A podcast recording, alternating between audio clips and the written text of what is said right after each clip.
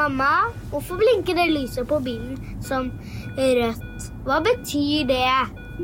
Å, det er et oransje et også. Og et grønt et. Og et blått et. Når bilen slår seg vrang, er det godt å vite at NAF Senter tilbyr service og reparasjoner med medlemsrabatt. Meld deg inn på naf.no. Vi i Rema 1000 kutter igjen prisene, nå på en mengde påskefavoritter. Du får f.eks. minst 25% priskutt på appelsiner i løsvekt, familiepakning med vaffelmiks fra Toro, tipakk Rige kakao fra Freia og andre påskefavoritter. Alt dette og enda flere priskutt på minst 25 For det er sluttsummen på påskehandelen som teller. Og husk at vi fortsatt har fryst prisen på over 1000 varer. Ungsamtalen fra DNB er økonomisk veiledning tilpasset deg som er ung. Bokk en ungsamtale på dnb.no. slash ung. Det er kjempebra hvis du skal inn på boligmarkedet, hvis det er drømmen din, liksom. Det er det du skulle sagt. Og så kunne du ropt litt mer, da, sånn som jeg gjorde. Bam! Oh. Pål Asedal har reist verden rundt for å prøve psykedeliske stoffer. Rusmidler som ikke er lovlige i Norge. Dette har blitt TV-serien Psykonaut, som du snart kan se på Altibox X. I denne episoden forteller Asdal om noen av opplevelsene fra innspillingen av denne TV-serien.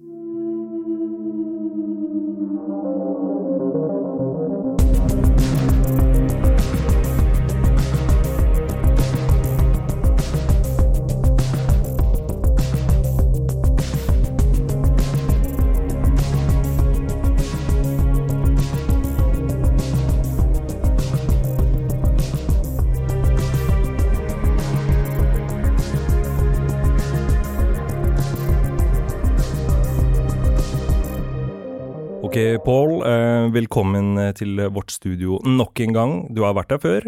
For eh, ca. to år siden så spilte vi inn en episode som omhandler det samme temaet som vi skal prate om i dag, men eh, det har skjedd veldig, veldig mye siden den gang. Da vi pratet sammen sist, så var du i planleggingsfasen av en dokumentarserie hvor du skulle reise jorda rundt og teste ut forskjellige psykadeliske rusmidler. Da du var her sist, så forklarte du at du holdt på å selge inn denne TV-serien til de forskjellige TV-kanalene, men uh, siden den gang så har de jo klart det, og nå har det blitt en TV-serie i fire deler som skal gå på Altibox X nå til våren. Før vi kommer dit, uh, si litt om deg selv. Hvem, hvem, er du egentlig? Ja, jeg er uh, en 38 år gammel mann tobarnsfar fra Bamble i Telemark. Interessen min for uh, psykedelika og, og, den verden her, den starta allerede i, jeg vil si kanskje 2009-2010, etter å ha hørt uh, diverse podkaster om emnet. Og jeg skjønte at den historien som vi har blitt servert, ikke er helt sann, da. Ja, og hvilken historie føler du at uh, verden har blitt servert? at all narkotika er livsfarlig er det narkotika, er det narkotika, og det er kjempefarlig. Tar du LSD, så kan du risikere å da er sjansen kjempestor for at du aldri lander igjen. Det er, livs, det er galskap å prøve å rote med noe av disse psykedeliske stoffene. Det er, nesten, det er jo verre enn heroin, typ. Ikke sant? LSD. Eh, men det er jo ikke tilfellet. Det tror jeg òg er liksom den gjengse oppfatninga til folk flest som ikke har erfaring med det. Det er veldig få som har erfaring med f.eks. LSD, da, og de har kanskje hørt uh, noen skrekkhistorier om det. Sett det på film, og sett hvordan folk folk reagerer når de tar disse rusmidlene. Men du har altså hatt en annen erfaring, men du har òg forska på dette her. Jeg vil jo si at det kanskje ikke var psykedelika i seg sjøl som var interessefeltet mitt, men det er de etablerte sannhetene i samfunnet. Det at det er Nei, men det har jeg hørt, så det er sant. Mm.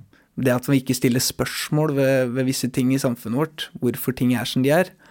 Det er noe jeg er veldig interessert i, og det er jo grunnen til at vi lager denne serien. Da. Men før vi går videre og snakker om denne, denne TV-serien, så må jeg jo komme med en liten sånn disclaimer til lytteren. For at Helge, du har jo faktisk eh, kjent Pål eh, lenge, og var faktisk med og gjorde litt eh, arbeid på denne piloten til TV-serien. Ja, har, eh, det stemmer. Jeg har kjent Pål i mange år, og har filma piloten til den serien. hva, er en, hva er en pilot? Eh, pilot er det man spille inn eh, først hvis man ønsker å selge inn en TV-serie til ja. en kanal eller et større produksjonsselskap. Så skal man liksom vise noe, ha noe å vise til, da. Ofte kan det være første så, episode i en TV-serie, f.eks. Ja, Men, det ble så eh, bra at uh, det ble faktisk solgt inn. ja, og, Men du har ikke vært med på innspillingen av resten av TV-serien. For det er jo et ganske spesielt prosjekt. Da du først fortalte om den serien, så hørtes det veldig veldig spennende ut. Og veldig risikofullt òg, å skulle reise rundt og ta ayahuasca ned i jungelen i Brasil, og MDMA og sopp og LSD og alt det her. Hvordan har det gått? Vi har vært med på sinnssykt mye. Blant annet så dro jeg til Brasil, og dro langt inn i Amazonas. Og bodde to uker med en indianerstamme, javanavaene, dypt inn i Amazonas. Og var med på deres ayahuasca-seremonier. Fortell litt før vi går videre. Kan du fortelle litt hva ayahuasca er? Ayahuasca er et eh, brygg, en, en type te, som eh, stammer fra Amazonas i Sør-Amerika, hvor de innfødte der nede lager Jeg vet ikke hvordan de har funnet ut, de sier at plantene fortalte de det. At de skulle blande barken fra en liane med bladene fra en annen busk som inneholder stoffet DMT, koke det sammen, og det blir et av de sterkeste psykedeliske stoffene. Her i Norge så er jo ayahuasca ulovlig. Som eh, veldig mye annet. Vi har veldig strenge eh, lover eh, hva gjelder rusmidler her i landet. Men hvordan er det der nede? Der er det lovlig. Mm. For de innfødte, de har også en, en kirke, de har også en religion som Mm. baserer seg rundt bruken av ayahuasca, eh, så lenge du er en del av din religiøse praksis. Ja. For jeg vet jo, jeg kjenner jo til at det finnes miljøer her i Norge hvor man kan benytte seg av ayahuasca her eh, også. Jeg kjenner noen som har deltatt på seremonier hvor det kommer en eh, sjaman fra Brasil da, hit og holder disse seremoniene hvor man kan benytte seg av dette her, her hjemme. Eh, men eh, hva er det som gjør det unikt eh, å innta det der du kommer fra, fremfor å Hvorfor må du reise helt ned dit for å Nei, det er eh, Det er kanskje min konklusjon også. Vi dro ned til først Rio de Janeiro. Så måtte vi fly til andre sida av landet, en sju timers flytur. Eh, Så måtte vi kjøre elleve timer i bil på de verste veiene du, du kan forestille deg. Før vi da kommer til eh, elvebredden, hvor vi da kjører motorisert kano eh, oppover elva i seks timer. Før vi kom fram til den landsbyen. Jeg er det uten dekning, snakker ikke språket, så jeg skjønner jo ikke en dritt av hva folk sier. Det var en tolk der nede som, eh, som var så som så.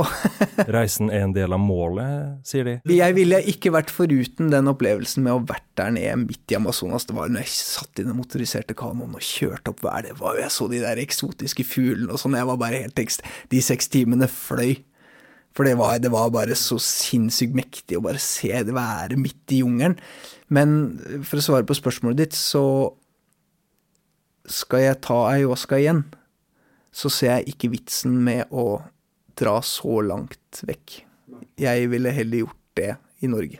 For Fortell litt om opplevelsen av å ta ayahuasca, da. Det har jo ikke bare fordeler med seg, etter hva jeg har hørt. Eh, Jeg har hatt kun positive opplevelser med det, men det er jo mektige, mektige saker. Det er det kraftigste jeg har vært borti. Jeg kan jo fortelle om, om seremoniene. For vi hadde, jeg hadde tre seremonier der nede. Første seremonien, da var det invitert eh, alle nabolandsbyene.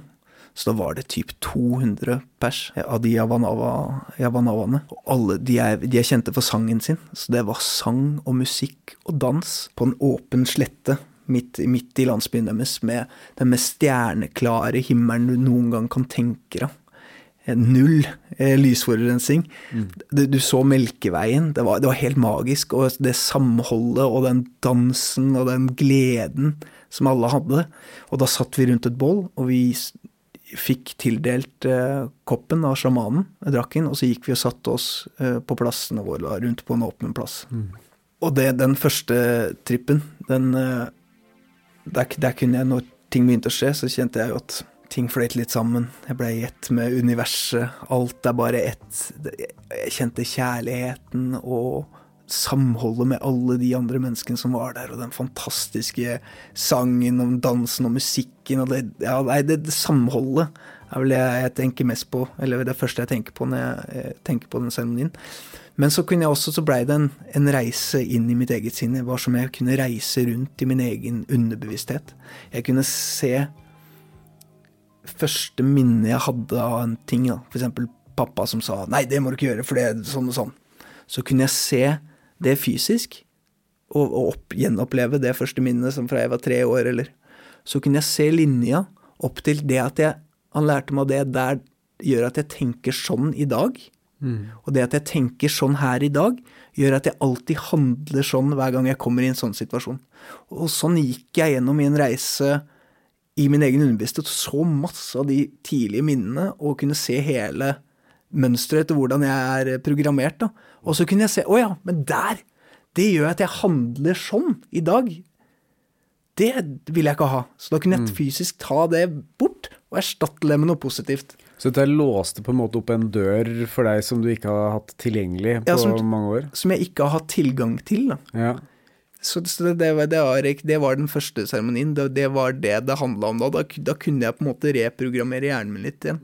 Det, det, her med å beskrive denne ayahuasca, eller hvilken som helst eh, type psykadelisk opplevelse, er det vanskelig? Ja, det er, det er ekstremt vanskelig, for vi mennesker har ikke ord Nei. for det du opplever der. Ingenting av vårt hverdagsliv kan sammenlignes med det som jeg har opplevd under de sterkeste trippene eh, jeg har hatt. Det, det er vanskelig å bes, liksom, beskrive noe av denne, denne psykedeliske opplevelsen du har, men hva med den fysiske opplevelsen? Da? Man, eh, man leser om ayahuasca, at man kan oppleve oppkast, diaré, magesår eh, som en bieffekt av å innta dette stoffet. Før du tar ayahuasca, så skal du gå gjennom en sånn diett.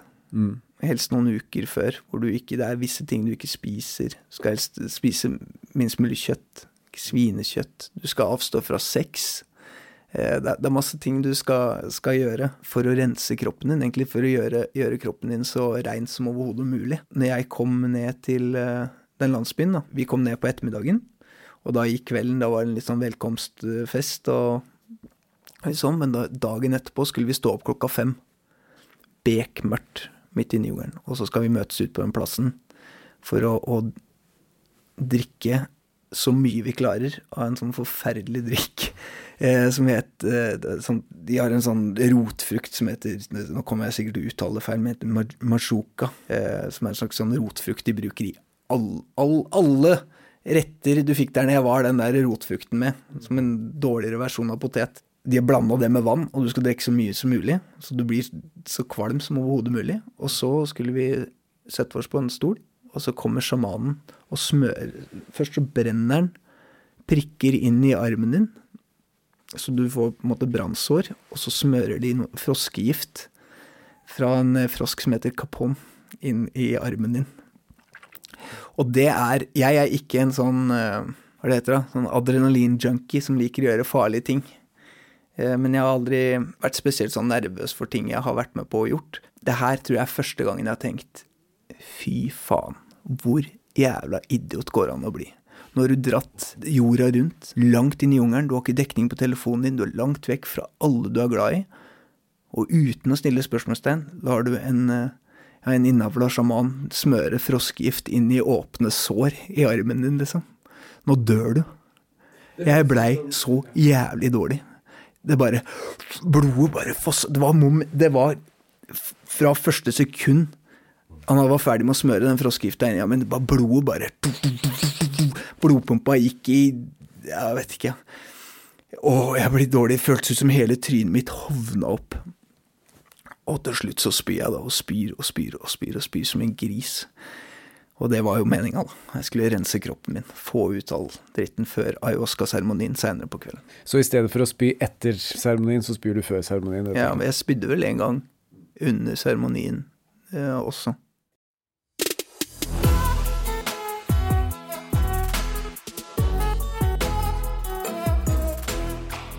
Nå er det bare åtte dager igjen til vi står på Sentrum Scene.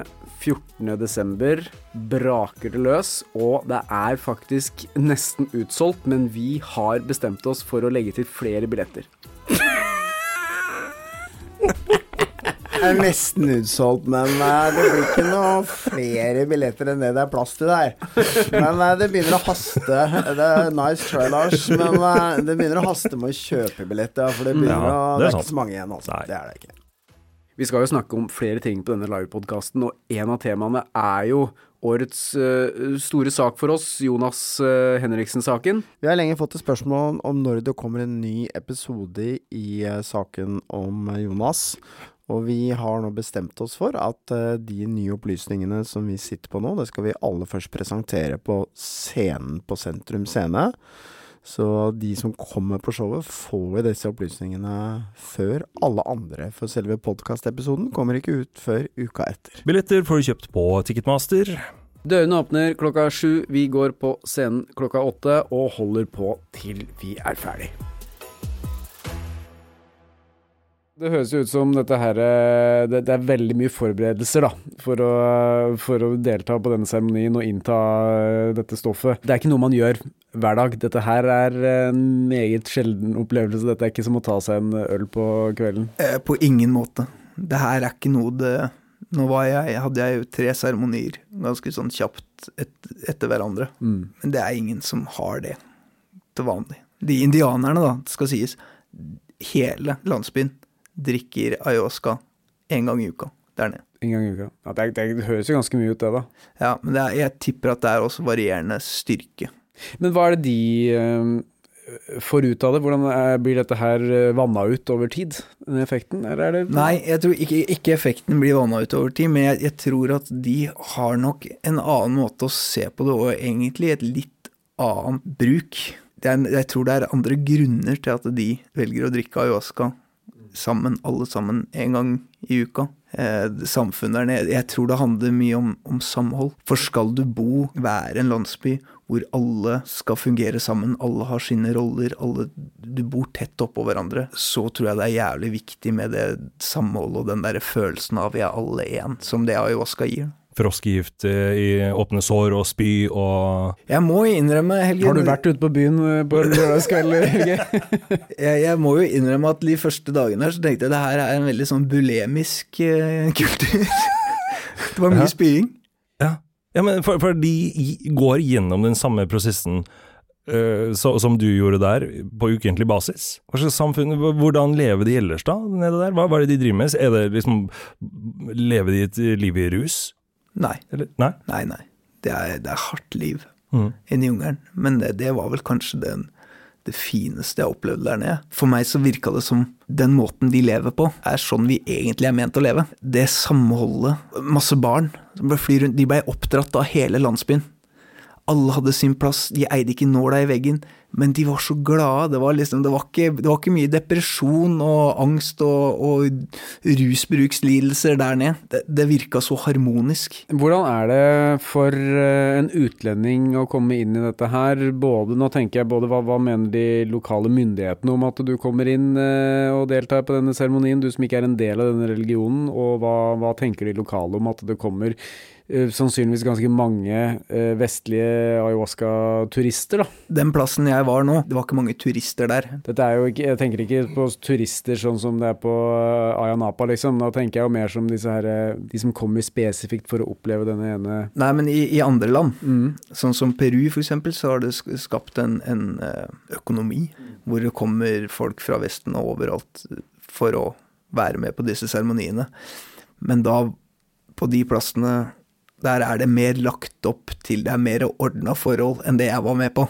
Det her var inn i jungelen, bare bo i det, det var null luksus her, da. Den episoden som Helge var med på å filme, første episoden, da er jeg på en luksusretreat i Amsterdam. I en, en gammel kirke omgjort til et sånt yoga-retreat. Med egen kokk og det her, her bodde jeg, lå jeg i en hengekøye i et uh, sånn tradisjonelt Javanava-hus med liksom edderkopper og kakerlakker og Jeg var jo oppspist av moskitos, og det, det var på en måte ingen luksus ved det her. Eh, i, på slutten av den uka jeg var der, så man kan tydelig se at jeg er prega av å ha vært der nede og vært sliten. Men du, du sa at uh, du tenker at det var sånn vi var ment å leve, fra naturens side. Eh, Så du på det som et ideal da du var der, og, og gjør du det nå? Jeg, jeg skal ikke si at jeg så på eh, visse aspekter ved det, ja. Sånn som vi lever her i Norden, og Vesten generelt. Vi lever i et samfunn hvor vi er livredde typ for å treffe naboen vår i gangen. Liksom. Vi er så atskilt fra hverandre. Blir Ja, nei, nå er, nå er mamma litt dårlig til beins, nå får vi sette henne på gamlehjem. Det, var ikke, ikke snakk om å sette mora si på gamlehjem der nede. Nå blei de sikkert ikke mer enn 50 år hele gjengen der nede, da, det sies. Men, eh, men det, er noe, det er noe annet. Det er et samhold. Jeg føler det mang, vi mangler det. Det forsvinner mer og mer. Og vi lokker oss inn, isolerer oss inn i vårt egne små hus og er livredde for å treffe på hverandre. Og jeg tror at det skaper mye dritt psykisk. Ja, og det fører til mye bra òg for samfunnet. Det har jo vært ekstrem framgang, og vi har liksom bestemt oss for at dette samfunnet vi vil ha her i Norge f.eks., med lover og regler, at folk går på jobb og betaler skatt, og ikke driver med ulovlige rusmidler. For se for deg hvis vi eh, nå en gang i uka skulle satt i gang med sånn eh, sjamanseanse og spybøtte og kjørt på med eh, ayahuasca, hvordan tror du det hadde blitt da? Jeg tror det ville fungert helt fint. De var ikke som at de indianerne der nede ikke jobba. De jobba vel sikkert mye mer enn det vi gjør.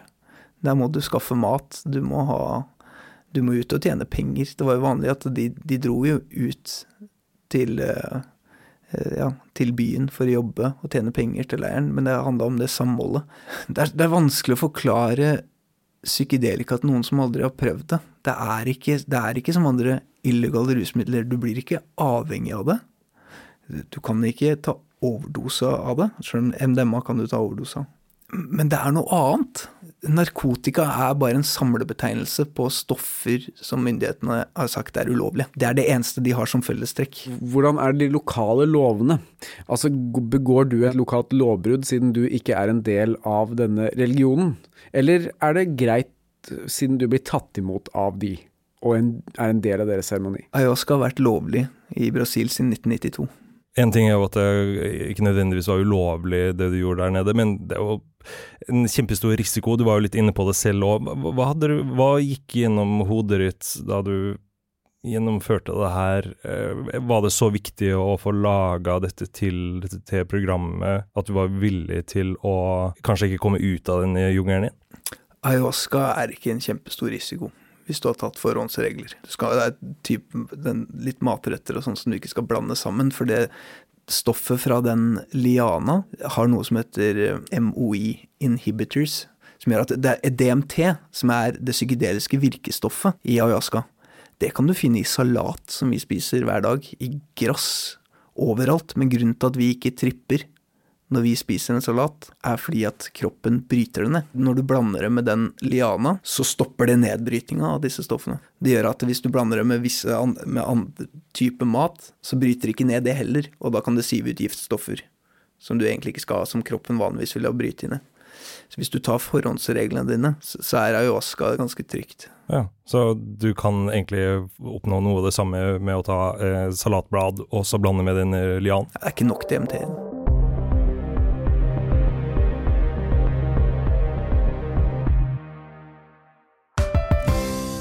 Er en liten quiz. Du må svare det første du tenker. Hvilken farge er det mest av i flagget til Brasil? Grønn. Hvilken farge har pengesedler i Donald? Grønn? Ja. Hvilken farge har bedriftshelsetjenesten som passer best for mindre bedrifter? Grønn. Ja. Grønn jobb er bedriftshelsetjenesten som er tilpasset mindre bedrifter. Få på plass bedriftshelsetjeneste på grønnjobb.no.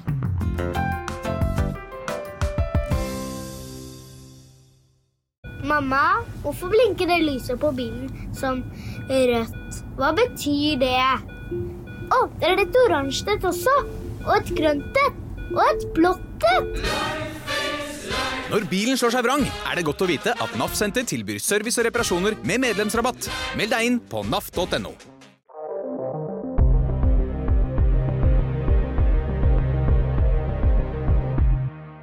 Man trenger jo ikke å dra langt inn i jungelen i Brasil for å få seg en, en liten tripp eh, på lovlig vis. Dere to har jo vært i Amsterdam sammen. Det var jo helt til starten på dette prosjektet her, og jeg var jo med og filma piloten.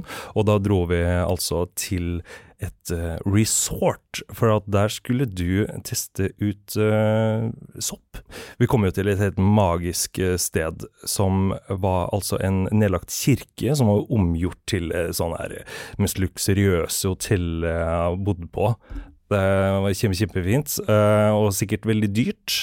Ja, det kosta vel 20, 20 000 for en helg, men da var det jo egen kokk som det sto laga veganmat. Tre måltider om dagen. Det var liksom badstue, spa.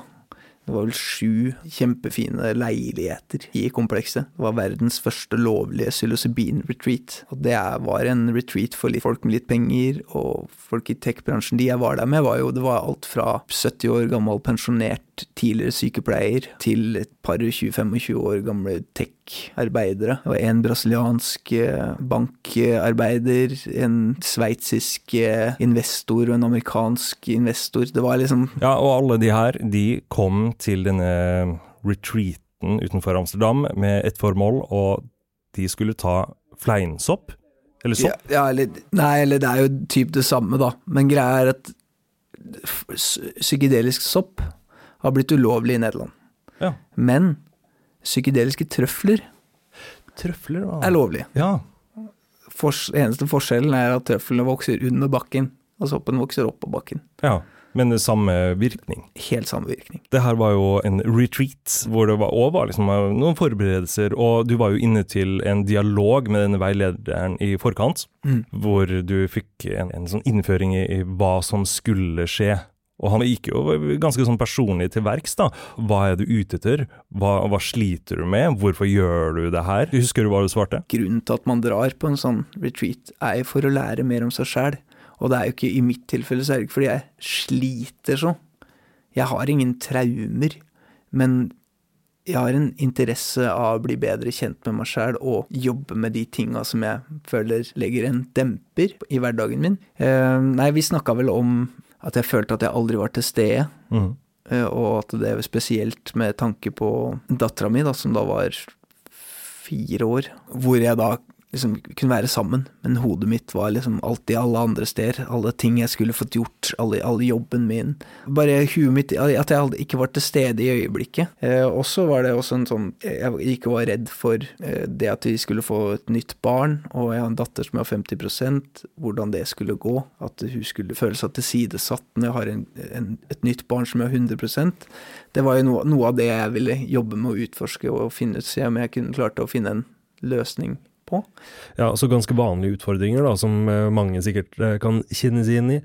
Ingen eh, mørke demoner som skulle drives ut. eh, men la oss prate litt om den her, ja, en slags behandling da, som du gikk gjennom. Kan ikke du bare starte med å beskrive rommet der det her foregikk? Det rommet var ei type sånn yogarom med liksom buddha-statuer og liksom til- Veldig rolig. De, de spilte nydelig, rolig, behagelig musikk. Temperaturen var uh, akkurat sånn den skulle være. Vi hadde madrasser på gulvet, så vi hadde det behagelig. Dyner. Og under seremonien så fikk vi utdelt uh, hvert vårt uh, øye, sånn øyebind og notatblokk, som vi skulle gjøre notater. Da. Så du, så du, når du kjenner virkninga eh, fra soppen begynte, så tok du på deg øyebind. Ja, eller der- trøflene da. Trøflene. Han, han guiden her, han spurte jo hvor mye du ønska å ta, hvor dypt i, i ditt indre du ville gå. Og da husker jeg at du sa 'I want to go deep'. Ja. ja. Og hvor- dypt ble det? Nei, jeg spiste jo Første dosa jeg fikk, var jo 35 gram. eh, som er en ganske høy dose. Ja, hva hva, hva betyr det? Hva, hvordan ser det ut? Hvor mye er det? Det er ganske mye, men det var jo også fersk, eh, ferske trøfler, så de veier jo litt mer. De var jo ikke tørka. Da veier de jo betraktelig mindre.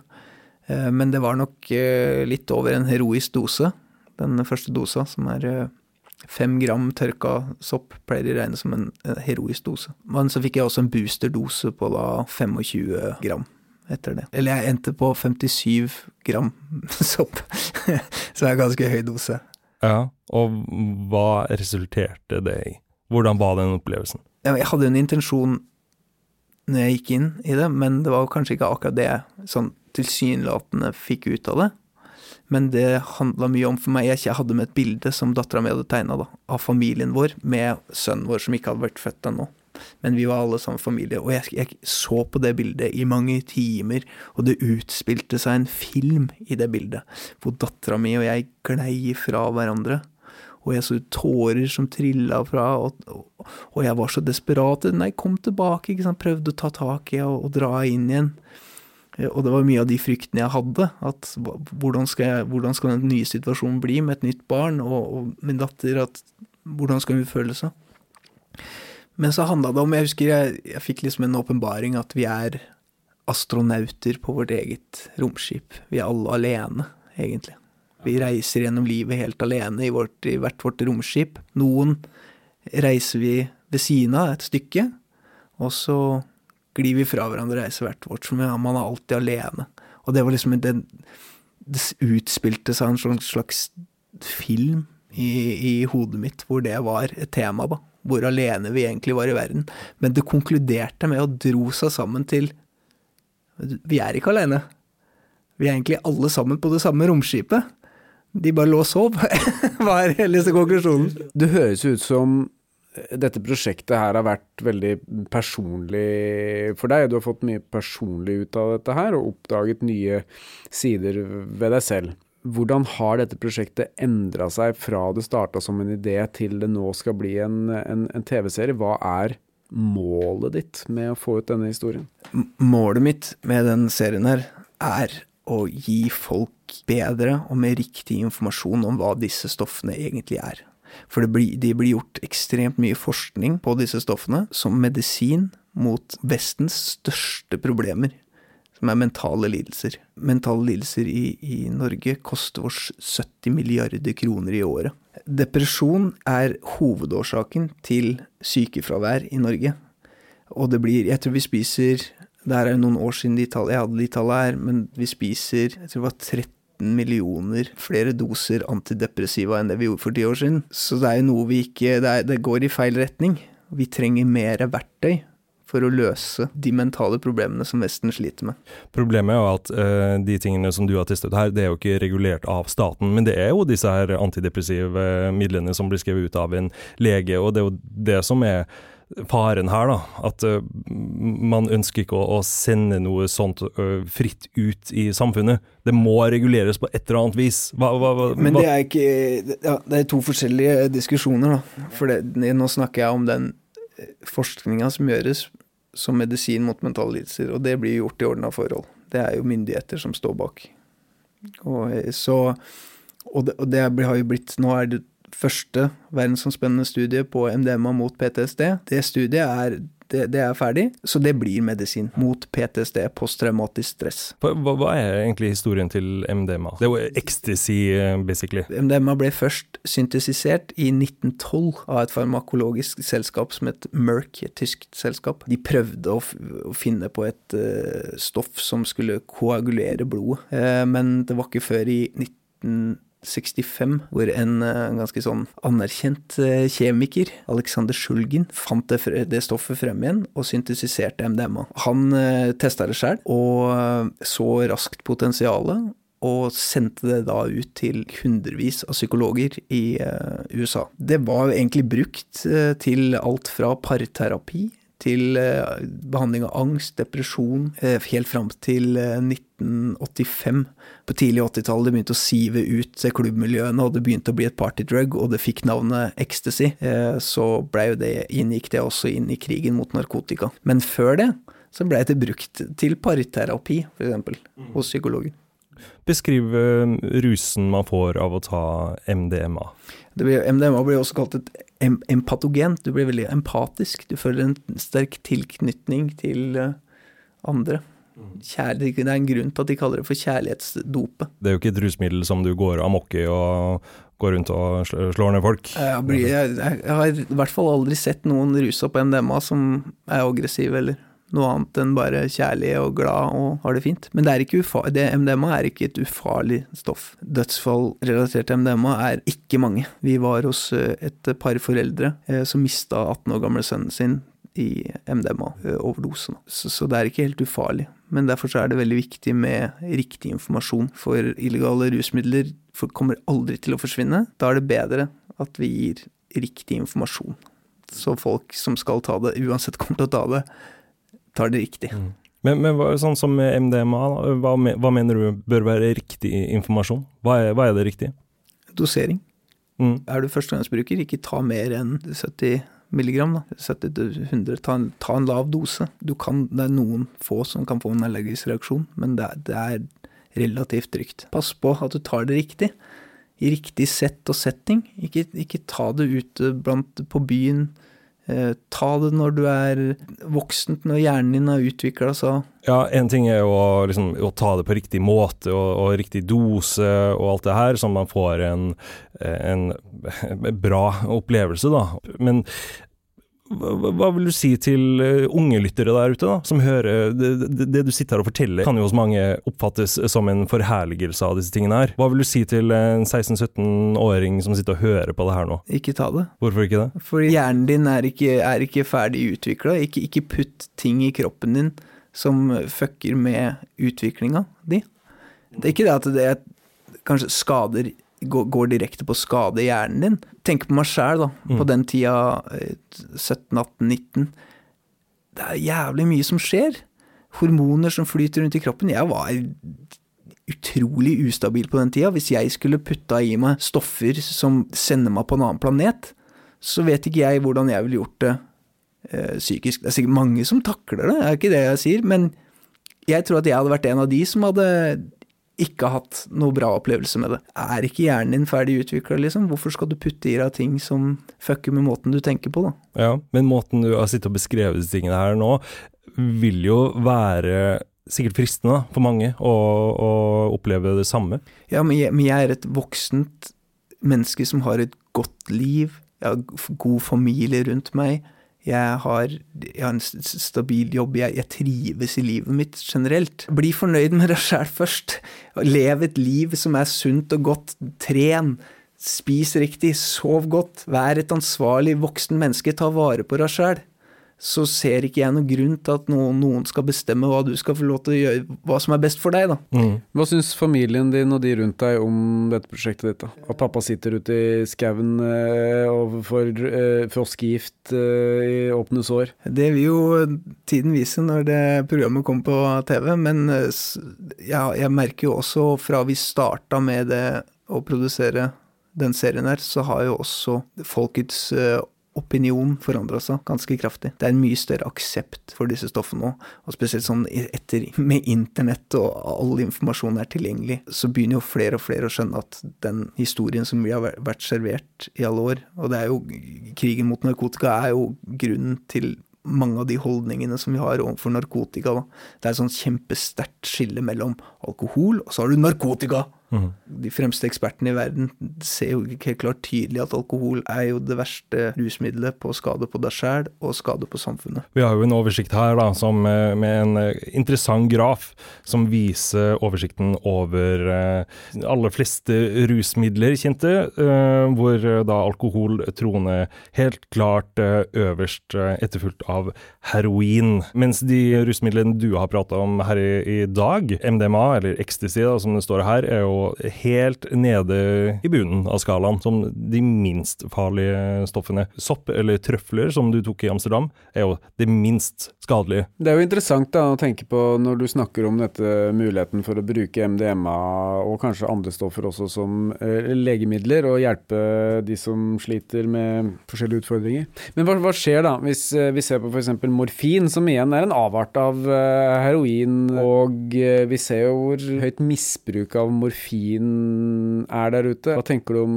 potensialet for misbruk av uh, psykedelika, da, hvis det blir et, uh, et medikament? Selvfølgelig, det finnes alltid noen som kan misbruke alt her i verden. Men stoffene i seg selv er ikke avhengighetsskapende. Og har du tatt psykedelika, har du tatt spist en skikkelig god dose med sopp, så er ikke det noe du har lyst til å gjøre dagen etterpå. Jeg kan fortelle om en av opplevelsene jeg har hatt, eh, som, for, som forklarer folk hva disse stoffene er. Jeg tok en høy, jeg hadde en tripsitter som jeg leide i eh, Amsterdam. Tripsitter er en som du kan leie for å sitte og passe på at musikken er ålreit, og passe på at alt er greit fortsatt, det er god temperatur i rommet, og at alt er fint. Eh, og spiste en god dose sopp, eh, hvor jeg da plutselig befinner meg i en begravelse. Og jeg bare, ja, hva, hva gjør jeg her, liksom? Nå sitter jeg i en begravelse. Sånn fysisk så ligger jeg jo bare på en sofa, med øyebind på. Men det reiser inn i mitt eget sinn her, da, og så innser jeg at jeg er i begravelse til dattera mi.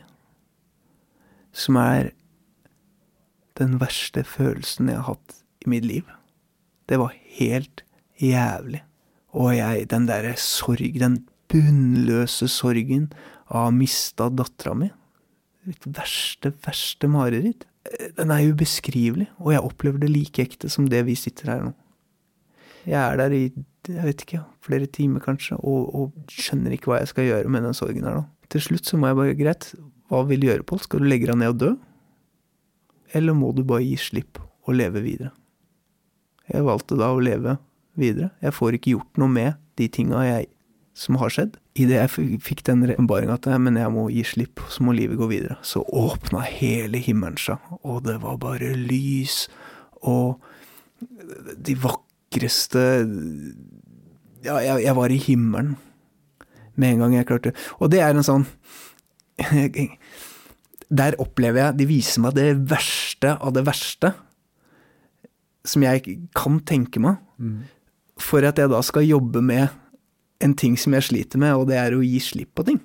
Det kan være hva som helst. Det kan være ting jeg gjorde på ungdomsskolen, som fortsatt går og gnager meg og gir meg dårlig samvittighet, og bare åh, jeg blir kvalm bare jeg tenker på det. Soppen tok meg til det dypeste av det dype, i min egen underbevissthet, det verste, for å bare gi meg den lærdommen at gi slipp.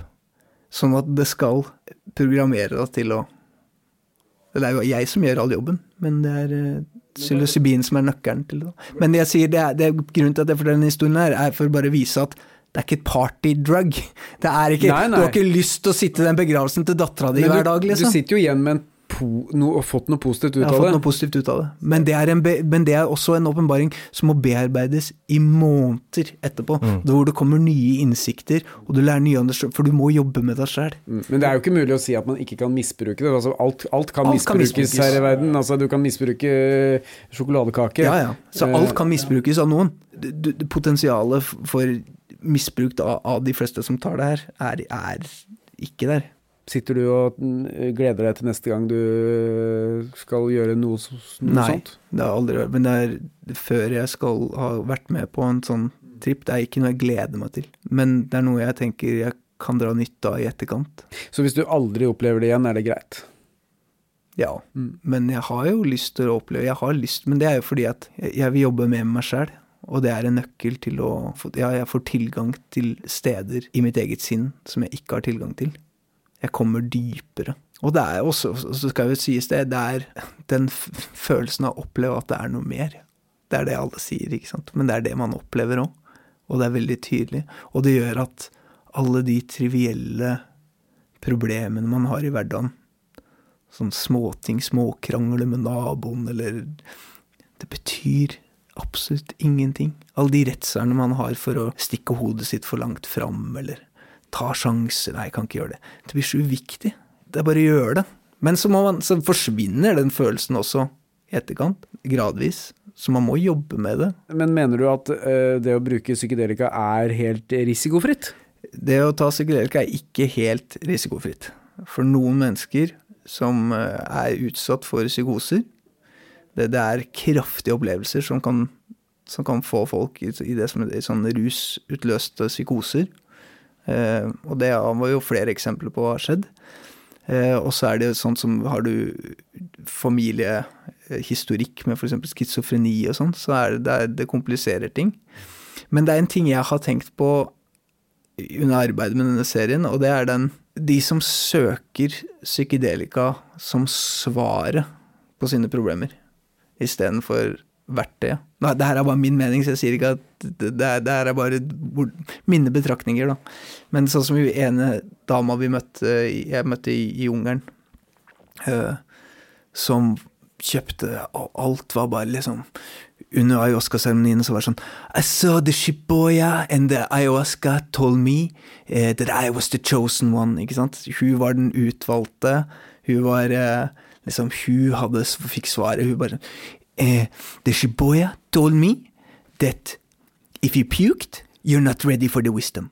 But if you poop, you are ready for the total wisdom. Og selvfølgelig så bæsja hun, da. Så hun var jo And, uh, and I was so holy, I was sitting on the toilet, pooping on top of the wisdom of all my brothers and sisters. Det høres ut som en klassisk sektleder. det, det høres ut som noe min uh, treåring ville sagt. ja, men jeg, men jeg så veldig tydelig at Hun fortalte litt om bakgrunnen sin og hadde traumatiske opplevelser fra barndommen. Ikke, sant? ikke egentlig hadde det sånn top notch i, i hverdagen. Søker noe nytt, søker et svar, og finner det der bare sånn?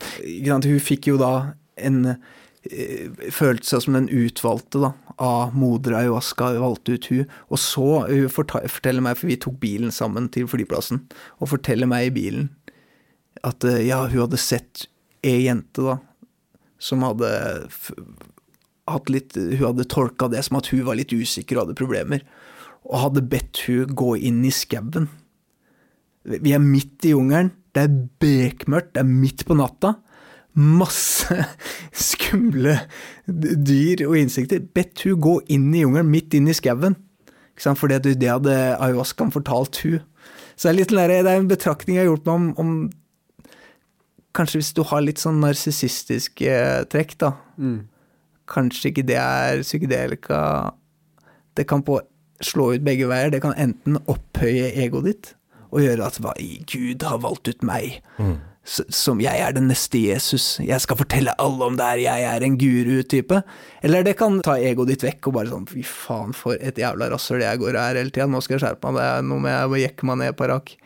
Men ja, det er en betraktning jeg har gjort, at kanskje ikke psykedelika er for alle. Så det er ikke sånn at du får en, eh, en, en, bestemt uh, tripp eh, hver gang. Det er en uh, veldig subjektivt. Det er veldig subjektivt. Ja.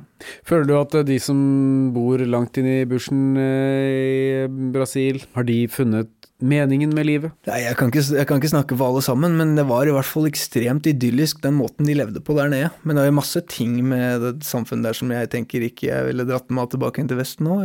Så Hvis man får denne innsikten da, en gang i uka ved å ta ayahuasca eller et annet rusmiddel, eh, burde man ikke da være opplyst nok eh, til å ha, mm, ha, ha funnet svar på alt? Men der kommer jo inn en På en sånn naiv, spør jeg på en veldig naiv måte. Ja, ja, men også du kommer fra et sånt eh, sted hvor det å ruse seg er synd. Hvorfor skal det å oppleve andre bevissthetstilstander være en uting? Hva håper du folk får ut av å se Psykonaut? Jeg håper de får nok informasjon til å gjøre seg opp sin egen mening. Jeg tror vi kommer til å få en del kritikk for at det er for positivt, men det er rett og slett fordi det er litt vanskelig å finne noen som har negative ting å si, som også har, kan backe det opp faglig. Da. Har dere balansert dette i serien? Snakker dere med eh, kritikere og det gjør vi. fagfolk? Ja.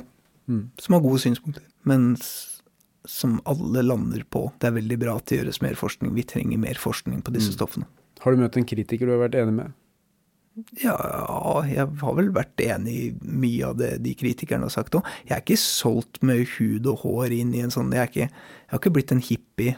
Det her har jo vært en veldig personlig reise for, deg, for din egen del, eh, innspillingen av denne serien her. Hvordan, hvordan blir det å vise det her frem for det norske folk?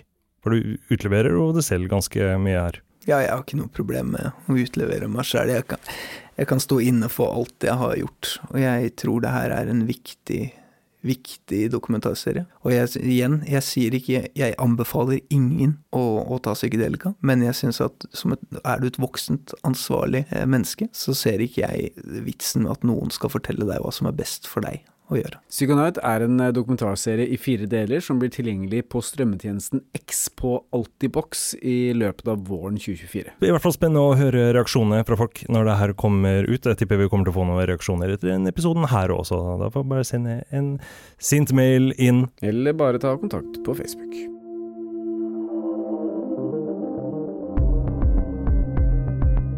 Avhørt er produsert av Batong Media. Redaksjonen vår består av Stein Morten Lier, Helge Molvær og Lars Christian Nygårdstrand. For å komme i kontakt med oss eller se eksklusivt innhold, søk opp Avhørt på Facebook og Instagram.